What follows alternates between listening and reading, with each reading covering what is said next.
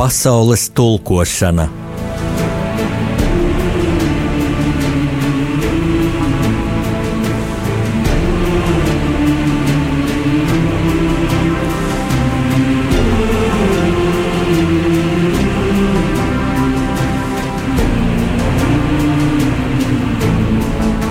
Studijā rakstnieks Jānis Udris.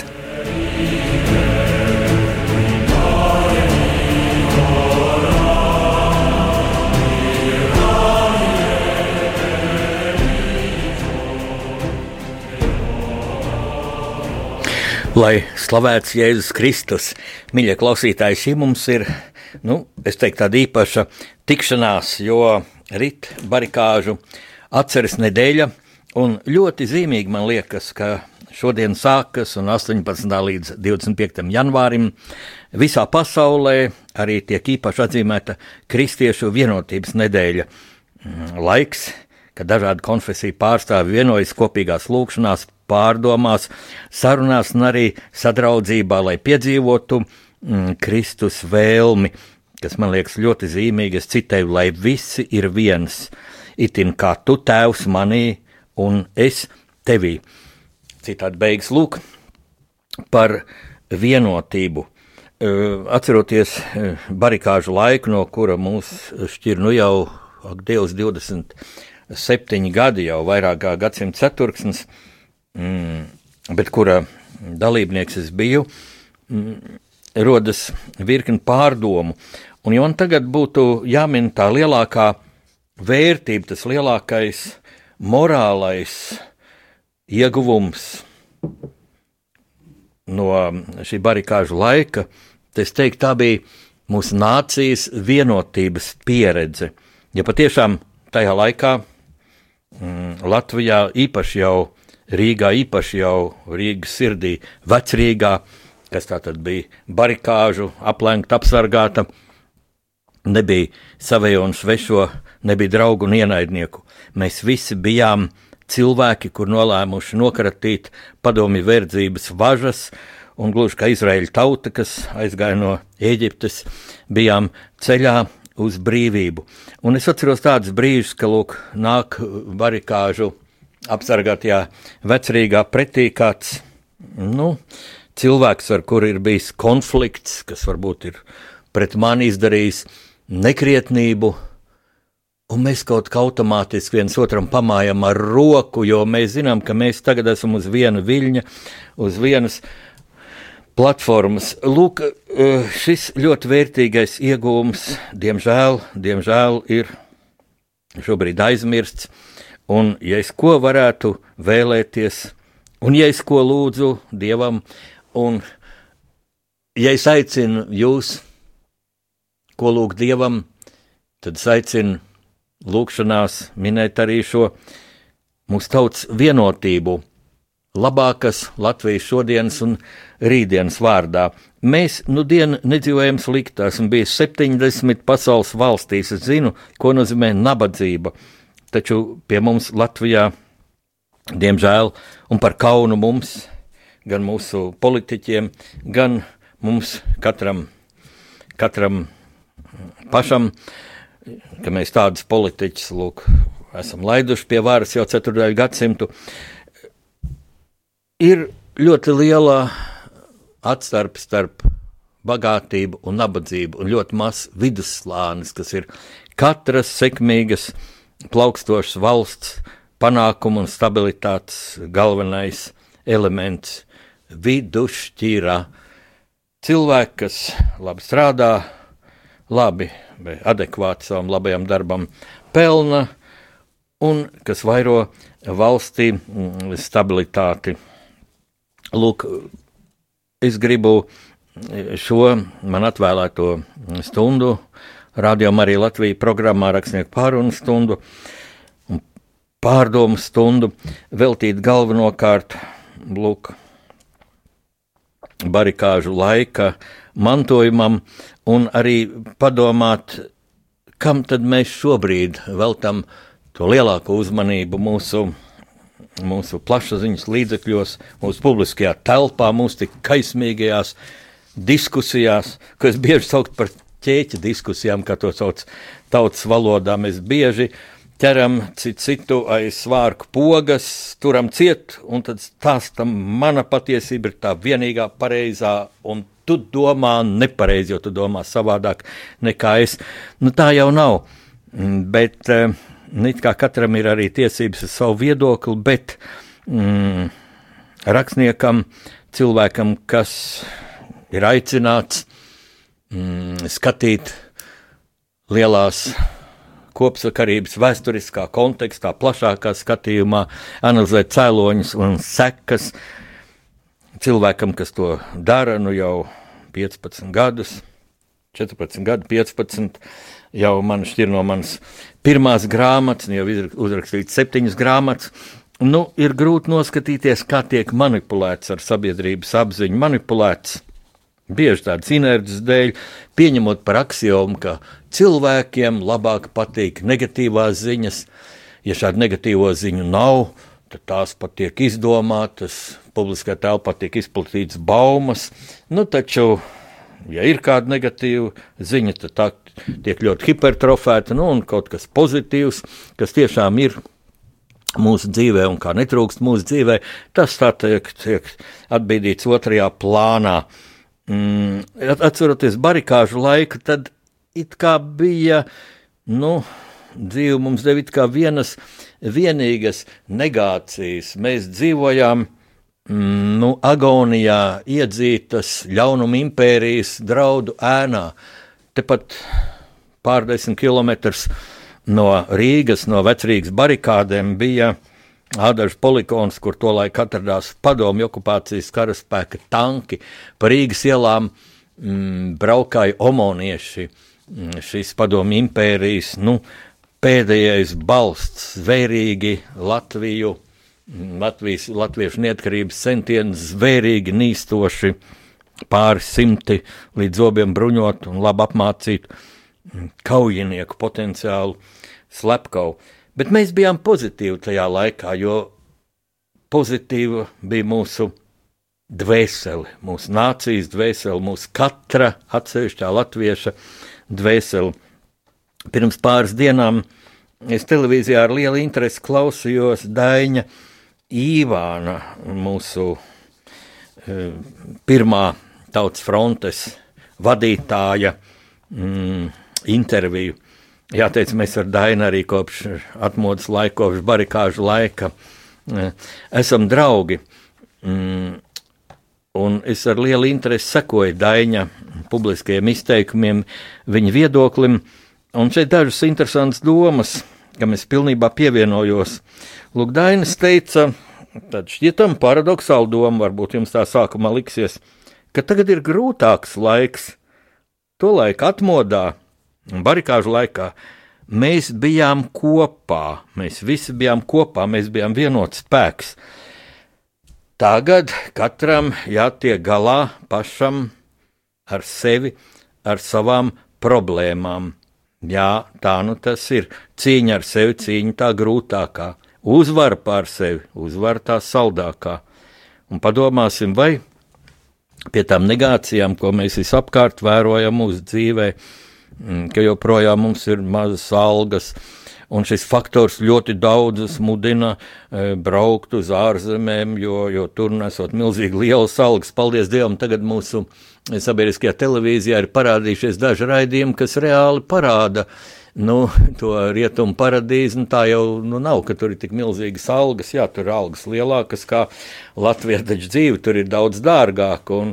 Pie tam pie tam, jā, kad mēs esam piesavinājušies šo muļķīgo tendenci dzīvi vērtēt tikai no naudas viedokļa.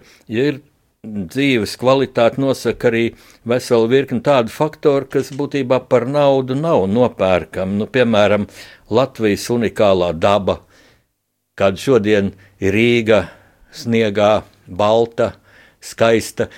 Protams, daudz tagad man pārmetīs, ko te jūsmo, ja ir grūtāk pabraukt pa ielām, ielas piesnigušas. Atkal sniegs tiek ļoti lēni novākts no ielām. Nu, jā, tā tas ir gadu no gada, nu, tā ir tāda negācija, bet nu, ne, jau, ne jau pasaules e, traģēdija. Pie mums joprojām ir es teiktu, nu, ļoti daudz tādas priekšrocības, no kurām lielākā mūsu neskartā daba, mūsu skaistā daba, skaista gan vasarā, gan arī tagad ziemā. Nu, ir tāds faktors, ko mēs absolūti nenovērtējam, bet kas tuvākajos gadu desmitos var kļūt par vienu no, no, no vissmagākajām globālajām, tas ir visas pasaules problēmām - dzeramais ūdens. Latvija ir bagāta kā reta kura zeme ar dziļiem avotiem, ar tīrām upēm, skaidriem ezeriem. Dzeramais ūdens kļūst par milzu problēmu daudzos pasaules reģionos. Iedzīvotāju skaits pasaulē kopumā strauji, strauji aug. Turpat jau esam klāt pie astoņiem miljardiem. Es vēl atceros, manā jaunībā cilvēks veica 5 miljardu pasaules pilsoni, 5 miljardi, tagad jau 8. Parēķiniet, kā tas aug ģeometriskā progresijā, problēmas aug.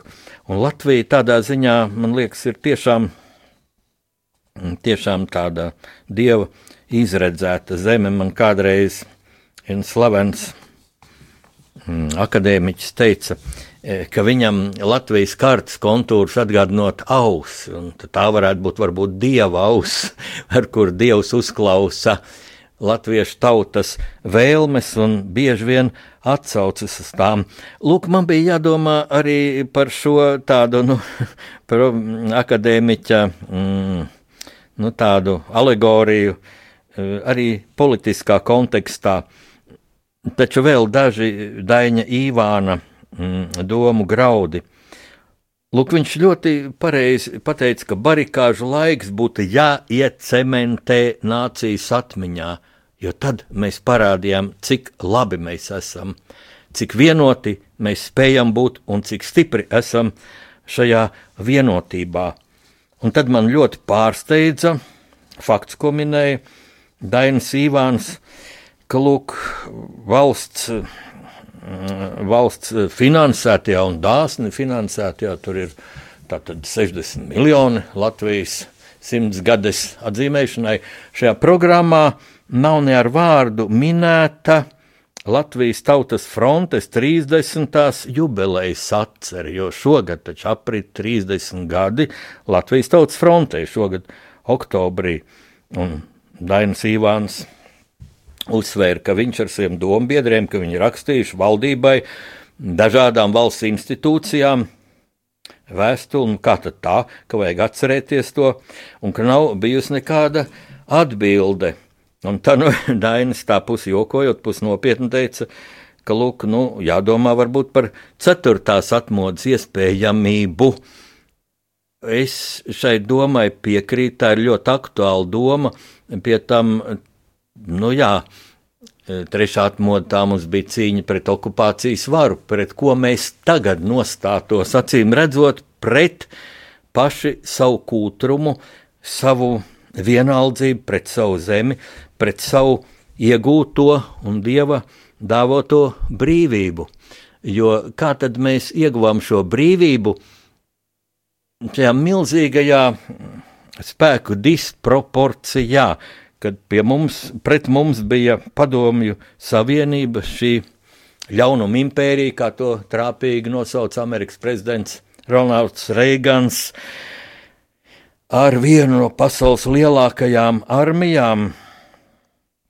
Un kas tad mums bija? Mums pat nebija linga, kā Dāvidam pret Goliātu. Mums gluži vienkārši bija brīvu cilvēku alkas, būt brīviem sirdī, brīvi cilvēki, būdami kļuvuši brīvi cilvēki savā dvēselē. Mēs vēlējāmies kļūt brīvi arī juridiski, būt atkal saimnieki savā zemē, paglābt latviešu tautu no iznīcināšanas, jo tas galvenais drauds jau mūsu tautas pastāvēšanai bija mm, šīs ļaunuma impērijas plānveidīgi īstenotā rusifikācija. Un Šeit ir zīmīgs fakts, ka nesen Zinātņu akadēmijā bija norganizēts tāds koncīlijs par ceturtās atmodas iespējamību. Jā, un ja runa ir par tādu garīgu atzimšanu, tad es varētu tikai aicināt mūs visus lūk uz šādu attīrīšanos no vienaldzības sārņiem, no cinisma, no tādas pilsonisko jūtu atrofijas, un ir zīmīgi, kā arī mūsu arhibīskaps Bigņevs Stankēvičs ir uzsvēris, ka tagad vajag atdzīvināt to pašu liesmu, kas bija barikāžu laikā, kas bija atmodas laikā, to pašu garīgumu liesmu, iekurt mūsu sirdīs. Un ja toreiz pret mums bija milzu impērijas karaspēks, un mūsu lozungs bija ar gara spēku pret karaspēku, nu, tad pret ko mums tagad jānostājas pašiem pret vienaldzību, pret savu vienaldzību, pašiem pret savu muļķību. Nu, lūk, tas ir tas, ko es tādā pagarā šī raidījuma ievadā gribēju pateikt, tagad brīdis muzikai.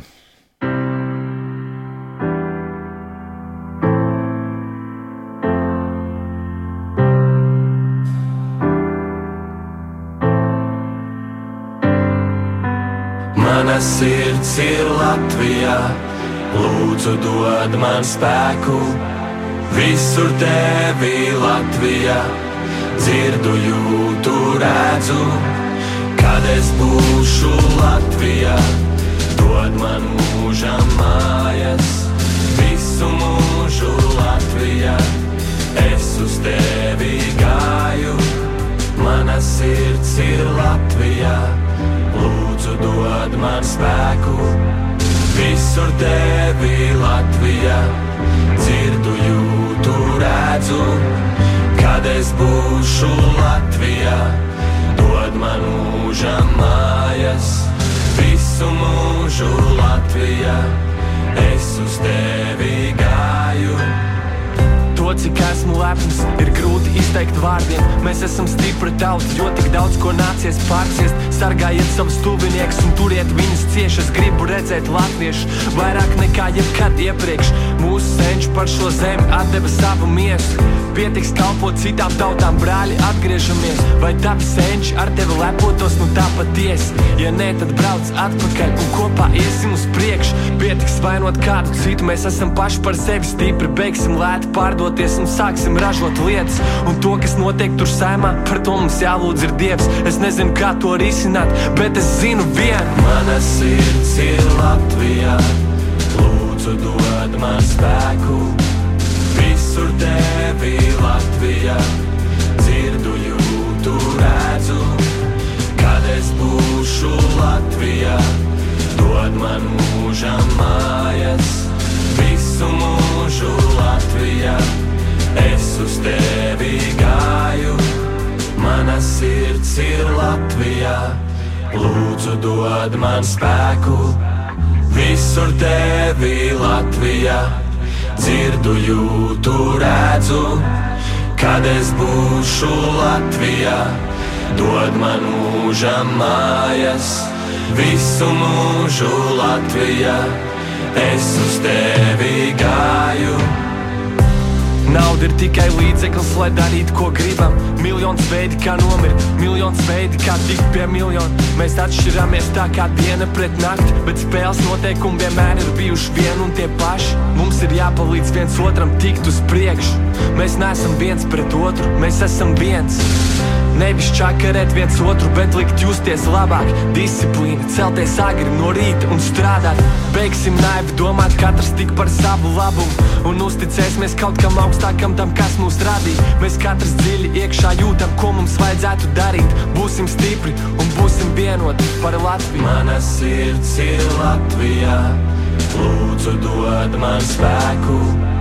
Visur tevi Latvijā dzirdu, jūtu, redzu, kad es būšu Latvijā.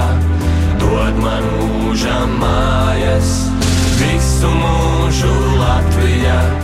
Es uz tevi gāju, mana sirds ir Latvijā. Lūdzu, dod man spēku, visur tevi Latvijā. Dzirdu, jūtu, redzu kad es būšu Latvijā. Dod man mūža mājas, visu mūžu Latvijā. Es uz tevi gāju. Radio Marija Latvija. Mm, Vilnī skan rakstnieku pārunu stunda. Pasaules tulkošana ar jums runā Jānis Udris. Es gribu atgādināt jums eh, mūsu ziedojumu tālruni, jo, kā jau ik pa brīdim, eh, man kolēģi, Radio Marija Latvija brīvprātīgie, eh, jums ir bilduši. Mēs esam pateicīgi par ziedojumiem, jo šis mm, svētais kalpošanas darbs tiek veikts brīvprātīgi, un mēs esam pateicīgi par katru ziedojumu. Tātad cik tur tā darba, un, un vai nu tā ir liela nauda, uzgriezt um, ziedojumu tālruņa numuru 900 67 69. Tātad 9 0 0 0 67 69. Raidījuma sākumā mm, es runāju par barikāžu laika atceri, mm, patiešām trauksmē notikumi bija pirms 27 gadiem, un mūsu bagātība ir atcerēties šos notikumus, un paldies Dievam, un paldies čakliem, gudriem cilvēkiem, ka arī šogad, janvārī, tāpat kā visus iepriekšējos gadus, e, barikāžu atceres nedēļa tiek iezīmēta ar dažādiem interesantiem, e, svētīgiem tautas vēsturiskai atmiņai, mm, vajadzīgiem notikumiem. Un uz mani ļoti gaišu iespēju atstāja jauna dokumentālā filma Vēsturais kadra kino. Filma, ko ir sagatavojis nu, mūsu dokumentālā kino, es teiktu, nu jau vecmeistars Romalds Pipars. Es atceros viņa dokumentālās filmas vēl no no padomi okupācijas laika filmas, kas iestājās par gaišo, par labo cilvēkā, un tad ļoti aktīvi Romalds darbojās atmodas laikā. Mm, un Romalda pipara stiprā puse ir tāds pacietīgs, skrupulos darbs kino arhīvos. Un viņš bija izveidojis mm, atmodas laikā filmu no padomju okupācijas pirmo gadu propagandas filmu kadriem. Tur bija piemēram Staļina laika vēlēšanas ar baismīgiem, traģikomiskiem lozungiem, piemēram, Staļins ir mūsu lāčplēsis, balsosim par Staļinu, mūsu lāčplēsis un tā tālāk. Un tagad pagājis gadsimta ceturksnis, vairāk kopš atmodas laika, liekas, viss jau ir uh, vērtīgais, kas tika uzfilmēts, ir, ir jau ielikts kino lentēs, parādīts, bet tā nav. Parādās jaunas filmas un Romalds Pipars šoreiz ir gājis pavisam netradicionālu ceļu. Viņš ir filmā samontējis un bagātinājis ar attiecīgiem saviem un savu kolēģi, kino operatoru, atmodas laika kino operatoru, kino režisoru, dokumentālistu eh, komentāriem, šķietami izbrāķētus, nederīgus kadrus. Nu, piemēram, no traģiskā janvāra vakara, kad uh, omonieši centās ieņemt iekšlietu ministri, ministrijas ēku un beidzot arī ieņēma no vakara, kad uh, tika nošauts operators Andrs Lapiņš un nāvīgi ievainots viņa kolēģis Gvido Zvaigzne. Gvido miera pēc vairākām dienām slimnīcā, kad krita vairāki Latvijas mm, nacionālās valsts idejai uh, Uh, uzticīgi miliči. Lūk, šajā vakarā Romanis Pipars bija gājis filmēt, domādams, mm, saņēmis tā kā kļūdainu informāciju, ka notiek apšaude pie valdības mājas, tātad brīvības ielā. Un no vecrīgas studijas gājis tur, un ieraudzījis, kā kaļķielas galā apstājies tramvajs. Tālāk nevarēja braukt, jo ar Basteikalnu jau tur lidoja lodes, un kā cilvēki stāv atvērtās tramvaja durvīs un vēro. Un Romalds gribējis ļoti uzfilmēt šo kadru, jo tas ir tā vizuāli ļoti izteiksmīgs un arī cilvēka reakcija, ka miera laika cilvēki pat neaptver viņi riskē ar dzīvību, jo spīdz apkārt lodes, viņi stāv tramvaja durvīs un vēro, vēro, kas tur notiek. Un tad, lūk, Romanis kaut kur krāmējoties pa jau vecām, ve, veciem filmu ruļļiem, atradis, ka viņš tomēr ir uzfilmējis kādas desmit sekundes šo tramvaju. Un filmā ir iemontēts šis tramvajs. Tramvajs nebrauc, jo tik gara nav šī lente, šī epizode, bet tramvajs stāv kā fotografija un ļoti izteiksmīgs kadrs. Ir jau ļoti grūti atstāstīt filmu, to ir jāredz, bet tur tieši ir saviļņojoši tādi kadri, pat kā mm, cilvēki iet uz demonstrāciju, uz tautas fronts rīkot manifestāciju. Uh, kā miliči viņiem stājas ceļā, un šī filma, šī epizode ir uzņemta, nu, kā kino valodā varētu teikt, brāķis, ja tur ir nepareizs ātrums, un tie cilvēki iet mm, tā pātrinātiem soļiem. Ja jūs mm, esat skatījušies Čarlī Čaplina e, pirma, pirmās kino komēdijas, kā, kā iet ar tādiem pātrinātiem solīšiem, tas arī no, no, no šī kino mm, tādas, nu, Mm, dažkārt sastopamās filmas griešanās, nu, ātruma nobīdes. Ja? Bet eh, skatītājs ir sagatavots un saprot, ka tas lūk, ir. Nu, tas ir tāds kadrs, kas ir vērtīgs, arī šāds kļūdains. Es tā nodarbojos ar šīs filmas reklamēšanu gluži vienkārši tādēļ, ka tā cilvēka dvēseliski bagātina um, nu, mani mm, jau vecākās paudzes cilvēku, protams, tas īpaši aizkustina, jo mēs bijām šo notikumu dalībnieki. Taču es domāju, varbūt vēl vērtīgāk šo filmu redzēt jauniešiem, kur ir piedzimuši pēc barikāžu laika, lai redzētu, kā tas notika. Nu, šo filmu jums, protams, būs, būs um, iespēja redzēt. Es to noskatījos pirmizrādē. Bet rītdiena un parītdiena man nesīs divus tādus ļoti zīmīgus notikumus. Nu, parīt, tas ir 20.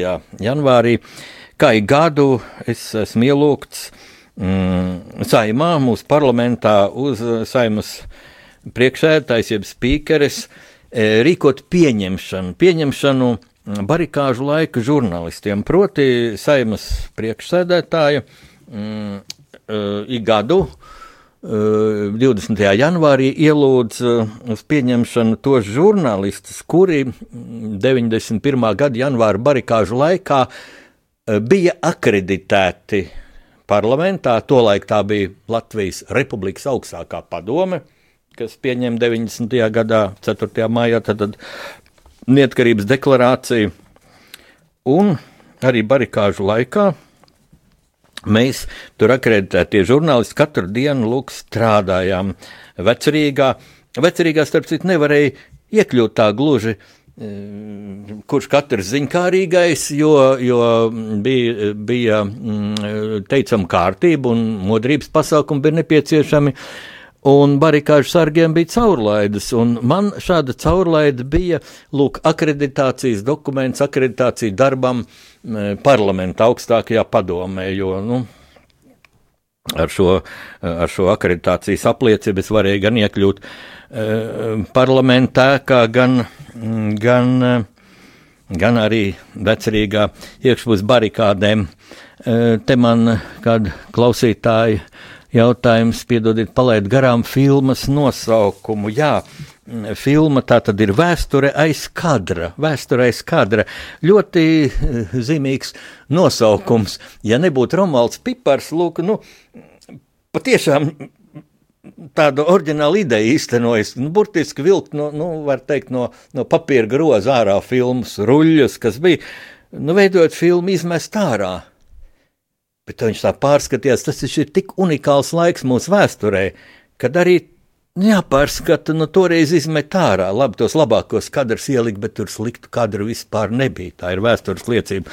Tā tad vēsture aiz kadra autors Romualds Pipars. Nu, man ļoti jācer, ka mūsu gan sabiedriskā televīzija, gan citi televīzijas kanāli, tad jau mums tādi ir daudz, arī atradīs laiku iekļaut šo filmu m, mm, savā e, programmā.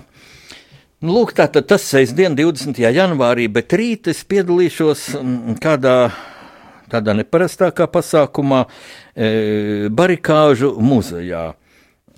Un proti, mm, tas ir mm, tāds, e, tāda pēcpusdiena, ko rīko kopīgi Barikāžu muzejs un mm, Azerbaidžānas Republikas vēstniecība Latvijā. Nu, pirmajā brīdī liekas, kas te kopīgs. Ja? Un es biju, jā, pat es ar savu lielo rakstnieku un publicistu pieredzi biju pārsteigts mazliet, ka es saņēmu no Azerbaidžānas vēstnieka mm, ielūgumu. Barikāžu, Latvijas barikāžu muzejs, un man kāds sakars Azerbaidžānai ar, ar mūsu barikāžu laiku. Taču mm, tā dziļāk Mm, dziļāk padomājot, šis pasākums mums atkal liek domāt ļoti par lielo dieva žēlastību, kādu mēs esam pieredzējuši bez lielām asinīm, bez milzīgiem upuriem, atgūstot savu nacionālo valsti. Jā, mums bija upuri, divi kino operatori, Andris Lapiņš bija mans draugs, vairāki miliči, un, un katra cilvēka dzīvība ir unikāla. Eh, būtībā nevar tā rēķināt, ka nu, eh, teiksim, simts tūkstoši miruši cilvēki. Tā ir traģēdija, bet viens vai divi cilvēki. Nē, katra cilvēka nāve, pie tam varmācīga nāve no, no, no slepkava lodes, ir traģēdija viņu tuviniekiem, nu, un arī nācijai, ja tie ir tādi nācijas varoņi, kā bija Andris Lapiņš, Gvidaus Zvaigznes. Taču Azerbaidžāņu tauta 1990. gadā, 19. janvārī, piedzīvoja patiešām baismīgus notikumus, un tā skaitliskā izteiksme ir daudz baismīgākus, un pēc tā scenārija, ko pret Azerbaidžānu īstenoja padomu ļaunuma impērija, nu, daudz ciniskāk un pretīgāk. Ja mums barikāžu laikā mūs apdraudēja, mūs apmeloja, bet tā arī neiedrošinājās mums uzbrukt. Kādēļ?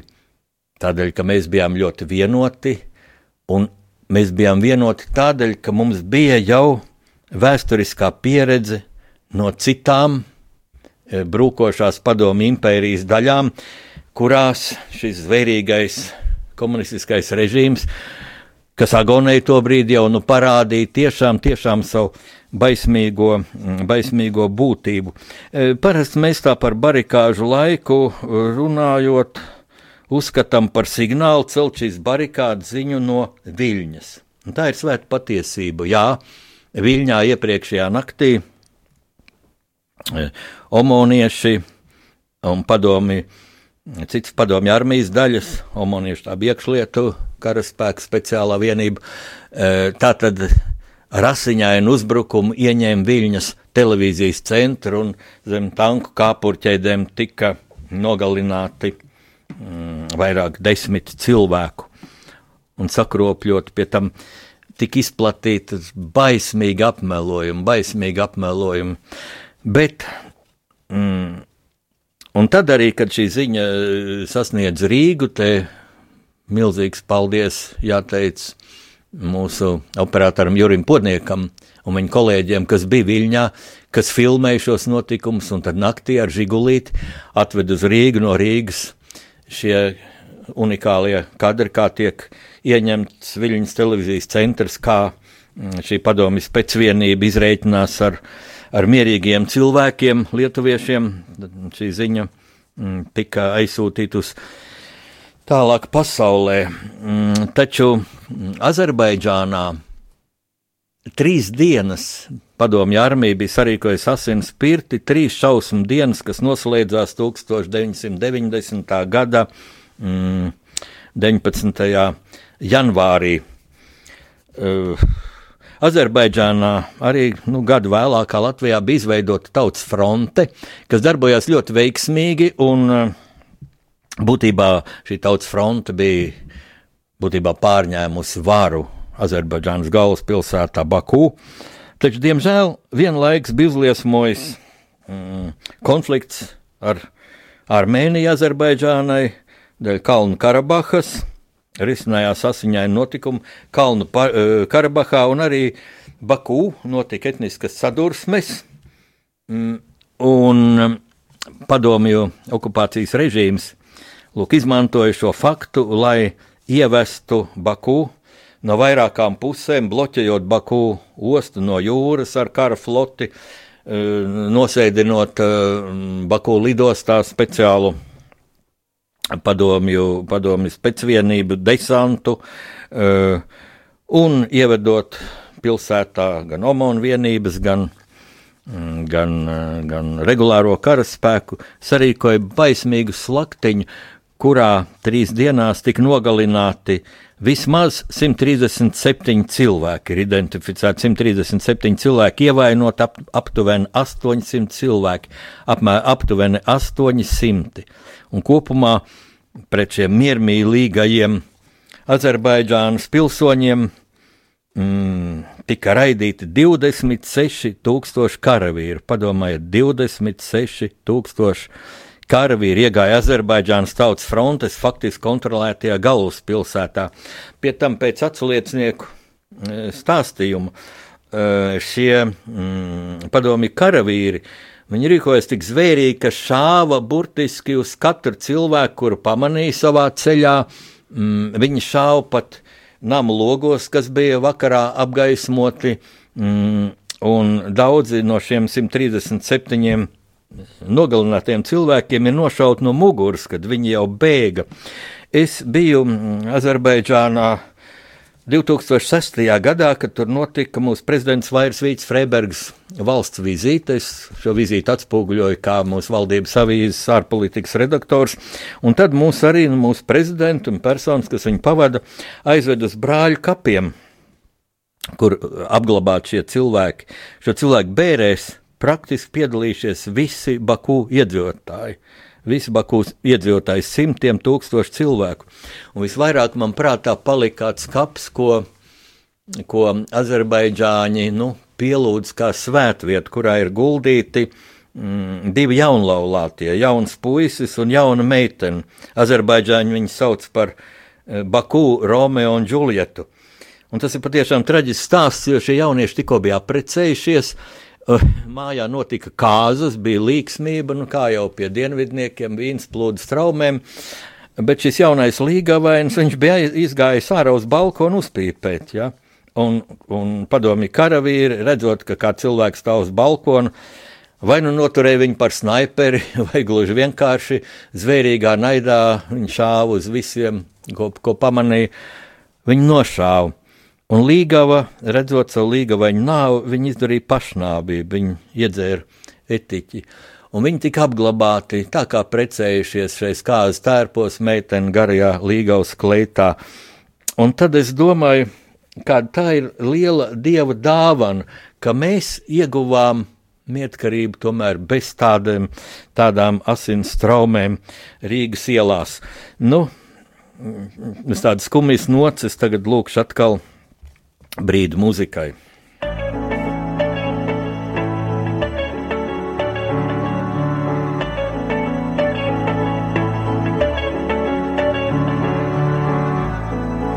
Tēvzeme Latvijā tu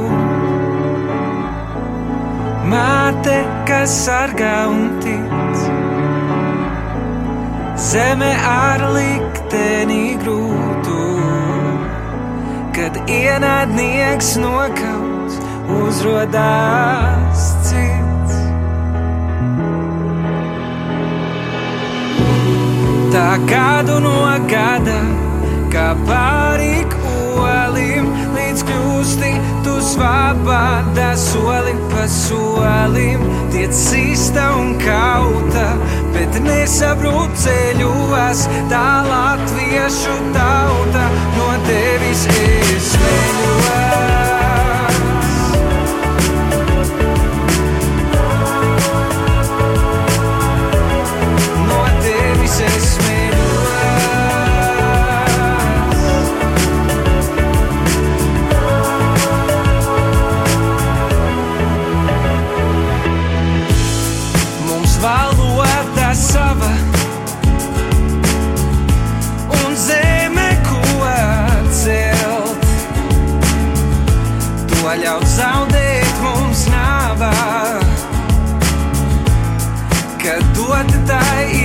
iespēja plaukt un zilt. Uh -huh. Tā gadu no gada, kā pāri kolim, līdz kļūsti tu svabāta soli pa solim, tiec īsta un kauta, bet nesabrucēļ.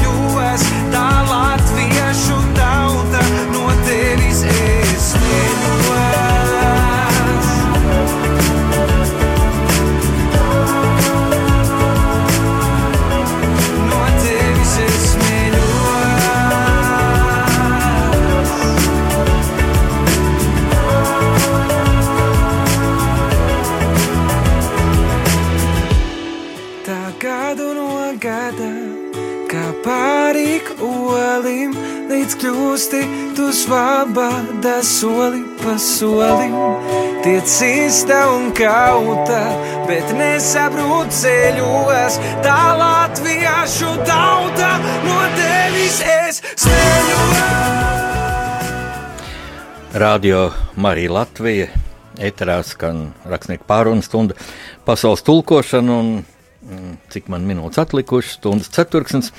Es gribu veltīt, man jāveltī mm, pagājušajā raidījumā dot solījumu pildīšanai. Proti, mm, es mm, paužot savu viedokli par, par, par tādu eh, nu, mm, mūsu publiskajā telpā ļoti sakāpinātu, brīžiem histērisku mm, prātošanu, prātuļošanu, es teiktu, par tā sauktiem čekas maisiem. Mm, es solīju nolasīt mm, kādus fragmentus no savas grāmatas, kur iznāca pirms 14 gadiem.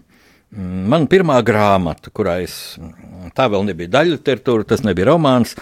Tā bija tāds publicistisku mm, aprakstu krājums no Berlīnas mūra līdz 38. paralēlēji tos, kur, kur, kurus interesē šis tēmats. Es varu teikt, nu, grāmata, protams, sen, nav, sen vairs nav veikalos, jā, 14 gadi ir pagājuši, bet šī grāmata ir praktiski visās bibliotekās. Es daudz tiek uzaicināts uz bibliotekām, tad es paskatos, kas tur ir no manām grāmatām. Tad gandrīz visur jūs varat atrast grāmatu Jānis Udris no Berlīnas mūra līdz 38. paralēlei. Nosaukums garš, bet atcerieties, viegli, nu, Berlīnas mūris, to viss zinās, un 38. paralēle. Tā tad ir tā, mm, tā geogrāfiskā josla, kas eh, šķeļ uz pusēm Korejas pussalu. Uh, atdala Demokrātisko Korejas republiku, kurā drīz notiks Ziemas Olimpiskās spēles no, no, no, nu, no, no, no vājprāta un kaut kādas uh, mm, kodola šizofrēnijas eh, pārņemtās eh, komunistiskās Ziemeļkorejas. Šo grāmatu izdeva 2004. gadā apgāds. Jumava. Mm, nu, savu viedokli par šo diskusiju es jau minēju. Mm, man tas izskatās pēc varbūt veiksmīgākās eh, valsts drošības komitejas operācijas visā šī kantora vēsturē, jo diez vai viņi mm, atstājot šos maisus, un labi zinot, kāpēc viņi tos atstāja, un labi zinot, kas tajos ir iekšā, diez vai viņi padomāja, ka šis solis nu, tik veiksmīgi veselu gadsimta ceturksni šķels latviešu tautu, un ka pat barikāžu laikā, un tieši Latvijas simtgadē, nu, būs šīs provokācijas, nu, acīm redzot, epicentrs. Ja? Mm, te ir izteikti dažādi viedokļi. Uh, Tūlīt visu izbērt, visu, visu, un tad nu, cilvēkam nav ko darīt, teiksim, tur raksies par pa to kaut vai pētīs avīzēs, kur būs nodrukāts un meklējis kādu kaimiņu vārdu, lai varētu teikt, redz, es jau par viņu teicu, vai arī otrs viedoklis sadedzināt. Nu, kā viens tā otrs ir muļķīgs un tāds nereāls priekšstats, jo dokuments jau tomēr sadedzināt. Tas būtu pārāk populistiski un muļķīgi. Es gluži vienkārši uzskatu, ka šādiem dokumentiem ir jāstrādā profesionāļiem un vajadzēja strādāt jau no, no, no pirmajām Latvijas neatkarības atjaunošanas dienām. E, tādiem profesionāļiem, nu, kā piemēram, tagad šie dokumenti atrodas Satversmes aizsardzības birojā, kuram būtu tiesības uzaicināt cilvēkus, kas tur ir tajā kartotekā, e, uzaicināt, e, sniegt liecību, kāpēc viņš tur ir, kā viņš tur ir, varbūt tā ir provokācija pret viņu, varbūt nē, teorētiski varētu pieņemt patiešām nē. Nu, tikai teorētiski, jo ir taču zināms. No paša bijušo Vācijas valsts drošības komitejas vadītāja Johansona Trubiņa mm, rakstiem presē Johansons pat izdeva grāmatu, ka e, šī, šīs iestādes arhīvs tika aizvests uz Krieviju 1988. gadā. Kāpēc kaut ko šeit atstāja? Nu, Nu, es domāju, gudram cilvēkam tāpat to vajadzētu saprast, vai mēs esam gudri, vai mēs esam domājuši, un galvenais, vai mēs esam kristieši, kas tam spēs pieiet, um, nu, neiesaistoties šādās netīrās kaislībās, neizplatot baumas. Gluži vienkārši, es teiktu, nepievēršot tam uzmanību, jo man nāk prātā mm, mana mācītāja, Lutāņu mācītāja Jūra Rubeņa, teoloģijas zinātņu doktora vārdi mm, kādā situācijā, kad es biju ļoti apmelots un, un prasīju mācītājiem padomu, viņš teica, paklausies, Jāni, kā bija patiesībā zini tu un zina Dievs. Un pārējais nav svarīgi. Tici man, pārējais nav svarīgi. Galvenais Dievs zina, kā bija, un tu zini, kā bija. Nu, bet man šajās skaistlībās Skaties, kur televīzijas kanālu gribi. Visos jūs atradīsiet divas lietas. Viens ir pavāra recepts, kāds tur kaut ko vāra un šmorē. nu, mēs tādu izveidojam tautu, it kā būtu. Vienkārši tāda inerce. Ja? Kaut kā ir aizsācies, un katram televīzijas kanālam liekas, un kā nu viņš bez kulinārijas. Un arī lūk, šī diskusija par šiem čekas maisiem. Nu, it kā tāda publiska vārīšanās, tur kaut ko pātrinās vai palēninās vai kaut ko tam līdzīgu. Nu, lietuvieši tur publicēja kādu sarakstu, uzzināja, ka viņa mīļākais aktieris, nācijas varonis Doņāts, Donāts Baņonis ir šajā kartotekā, un kad tā paskatās, es pasaku, pasakoju mm, internetā, ka viņš tur tā kā ieviests ir 70. gadā, tad, kad viņš brauca uz Ameriku tikties ar Amerikas lietuviešiem. Nu, acīm redzot, vajadzēja parakstīt tādu papīru, kāpēc, nu, vienkārši, lai viņš nepalikt Amerikā, jo, jo padomi laikos jau šim padomi režīmam un šai valsts drošības komitejai, kā es tagad saprotu, un kā starp citu tajā laikā visi arī to tā ļoti labi juta, bija ļoti svarīgs uzdevums sargāt, tā teikt, padomi cilvēkus no bēgšanas uz ārzemēm, jo tas radīja šausmīgu šmuci. Eh, šmuci padomi sistēmā īpaši pēc 1975. gada, kad PSRS parakstīja šo Eiropas drošības sadarbības apspriedes Helsinku nobeigumu dokumentu, un arī to tā saucamo trešo groziņu par kultūras vērtību, zinātnes vērtību apmaiņu, kas paredzēja, ka no padomju saimnības daudz vairāk cilvēku Uh, ir jāsūta uz ārzemēm, uzstāties, prezentēt šo brīnišķīgo valstu padomu savienību, brīnišķīgo, protams, pēdiņās. Tas liekas ļoti elementāri, šīs diskusijas ļoti triviālas. Un uh, visvairāk būtu žēl, ja, ja mm, šī komisija, kas ar to nodarbojas, nu, dara labu darbu pētot, kā, šis, kā šī iestāde valsts drošības komiteja strādāja. Tas, domāju, ir ļoti vajadzīgs, ļoti interesanti. Ja? Bet ja viņi ignorētu to pieredzi, kas ir citās valstīs, un bieži min, piemēram, Vācijas pieredzi. Nu, un Vācijas pieredzi šo politisko policiju, štāzī, tātad štāz, štā, štāds ziherēts dienstu, kā to sauca komunistu Vācijā. Tagad jaunieši kādreiz prasa, kas tā tāda. Tā bija tāda pad, padomju savienības satelīta valstiņa, ko izveidoja 49. gadā padomju okupācijas zonā. Vācijā nosauca Vācijas Demokrātiskā republika, Deutsche Demokrātische republika. Un viņam tā tad lūk šis stāzī. Un 99. gadā atzīmēt Berlīnas mūra krišanas desmito gada dienu. Vācijas Federatīvās Republikas valdība ielūdza mani, no Latvijas piedalīties tādā ļoti prestižā starptautiskā žurnālistu grupā, kas iepazinās ar Vāciju. Kas desmit gados Vācijā ir noticis pēc apvienošanās, tā ir skaitā arī mums bija iespēja viesoties šajā štāzī arhīvā. Un, uh, Tur nu bija ļoti interesanti gan redzēt, kā tas ir noticis, gan arī ļoti atklātā, analītiskā tādā sarunā e, dzirdēt par šīs iestādes metodēm. Šīs metodas noteikti var salīdzināt ar PSRS valsts drošības komitejas metodēm, jo šo mm, štāziju valsts drošības e, komiteju Vācija jau, nu, es domāju, Nevis domāju, es esmu pārliecināts, ka izveidoja tie paši nu, padomju speciālie dienesti, tikai vācieši jau nu tā, ja viņi ko darīja, tad viņi darīja pamatīgi. Ja viņiem tas lozungs, uz zēnu, visur ir jābūt kārtībai, viņi strādāja ļoti precīzi. Un mums pavadīja, mūsu žurnālistu grupu starptautisko pavadīja šajā, mm, šajā um, štāzī arhīva apmeklējumā mm, viena jauna sieviete, Kornelija Bula viņa sauc, un viņa ir Vācijas federālā komisāra darbam ar VDR slepenajiem dokumentiem, preses sekretāra Kornelija Bula. Nu, un lūk, cik es paspēju nolasīt, tur bija ļoti daudz tādu zīmīgu momentu, jau sākot ar to ēku. Tas ir būtībā vesels tāds noslēgts kvartāls bijušajā Austrum Berlīnai, tātad bijušajā šajā Vācijas Demokrātiskās republikas galvaspilsētā. Tādā padomju, Krievu 50. gada arhitektūras stilā būvēt namu kvartāls. Un jau pa ceļam Kornelija Būlu mums daudz interesanti pateicis par cilvēku likteņiem komunistiskajā Vācijas Demokrātiskajā republikā un tagad apvienotajā Vācijā. Nu, Kornelija pat ir vēl pajauna sieviete, garīdzniece pēc profesijas, luterāņu garīdzniece. Viņa dzimusi un augusi Vācijas Demokrātiskajā republikā, tātad pie komunistiem. Un pati viņa jau 13 gadu vecumā nokļuva štāzija uzmanības lokā, un iemesls bija pavisam vienkāršs. Kornelija nosūtīja vēstuli kādai meitenei Rietumberlīnē. Adresāti šo vēstuli, protams, nekad nesaņēma. Toties stāzija arhīvā parādījās lieta ar Kornelijas bulas vārdu. Nu, likums par bijušās VDR drošības ministrijas slepenu arhīvu izmantošanu tika pieņemts 90. gada augustā. Un tad arī noskaidrojās, ka tagad paklausieties šo skaidrus, ka no 17 miljoniem Vācijas Demokrātiskās republikas iedzīvotāju apmēram ceturtā daļa pieaugušo cilvēku vārdu bijuši stāzīja arhīvos.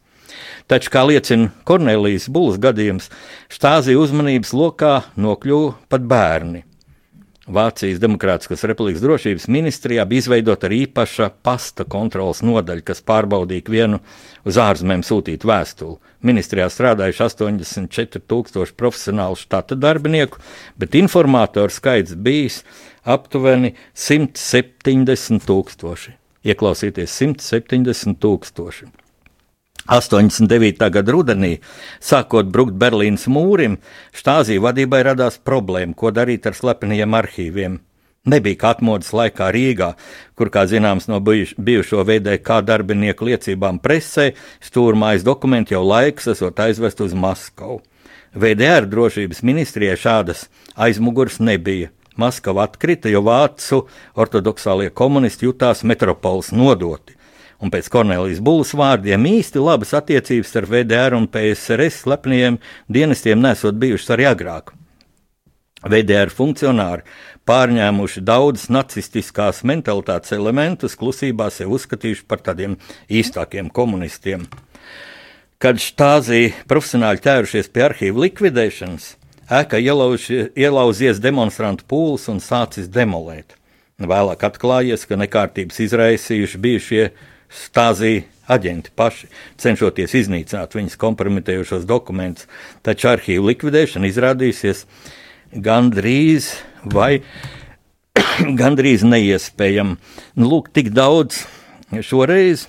Es apsolu, jums īpaši jums būs interese mm, nākamajā mm, raidījumā nolasīt vēl kādas epizodes, taču pats galvenais, kas varbūt jūs pārsteigs, es tā kā E, dokumentālos seriālus, reklamējot iepriekš pateikšu, ka tur stāzī arhīvā ir nu, divi arhīvi būtībā, divu tipu kartoteiks. Vienā ir izsekoto personu lietas, un otrā ir izsekotāju lietas. Ja?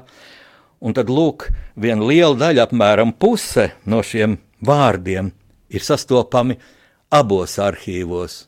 Un secinājums ir tāds, ka drošākais veids, iespaidīgākais veids, kā šim, šai komunistiskajai impērijai, ļaunuma impērijai, un Vācijas Demokrātiskā republika jau bija šīs padomu ļaunuma impērijas, nu tāds, tāds piedēklis, ja tāda satelīta valstiņa. Drošākais veids, kā cilvēku pasargāt no aizbēgšanas uz Rietumvāciju, kas bija komunistu Vācijā ārkārtīgi aktuāla, drošākais veids ir iekļaut viņu šajos aģentu sarakstos. Un tu, tālūk ir lieta, par ko es iesaku padomāt, aicinot vēlreiz mūs visus vienoties tādā kristīgā mm, gudrībā, kristīgā saprātīgumā, atcerēties barikāžu laika, mm, gaišo vienotības pieredzi un novērtēt to dievu žēlastību, kāda bija mums pirms 27 gadiem, ar maziem upuriem, ar lielu pašapziņu, ar lielu lepnumu, ar lielu goda prātu ar ticību Dievam, atgūstot savu neatkarīgo Latviju. Lai Dievs jūs svētī un sargā, lai Dievs svētī Latviju.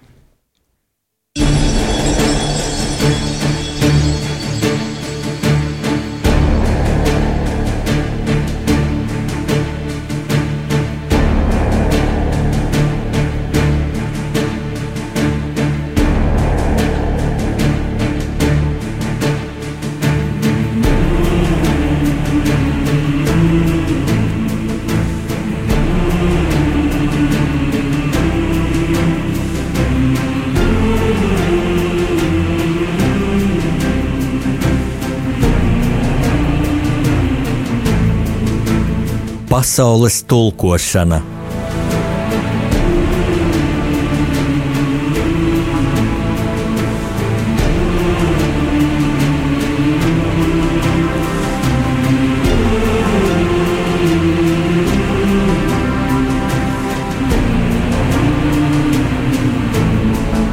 Studijā rakstnieks Jānis Udris.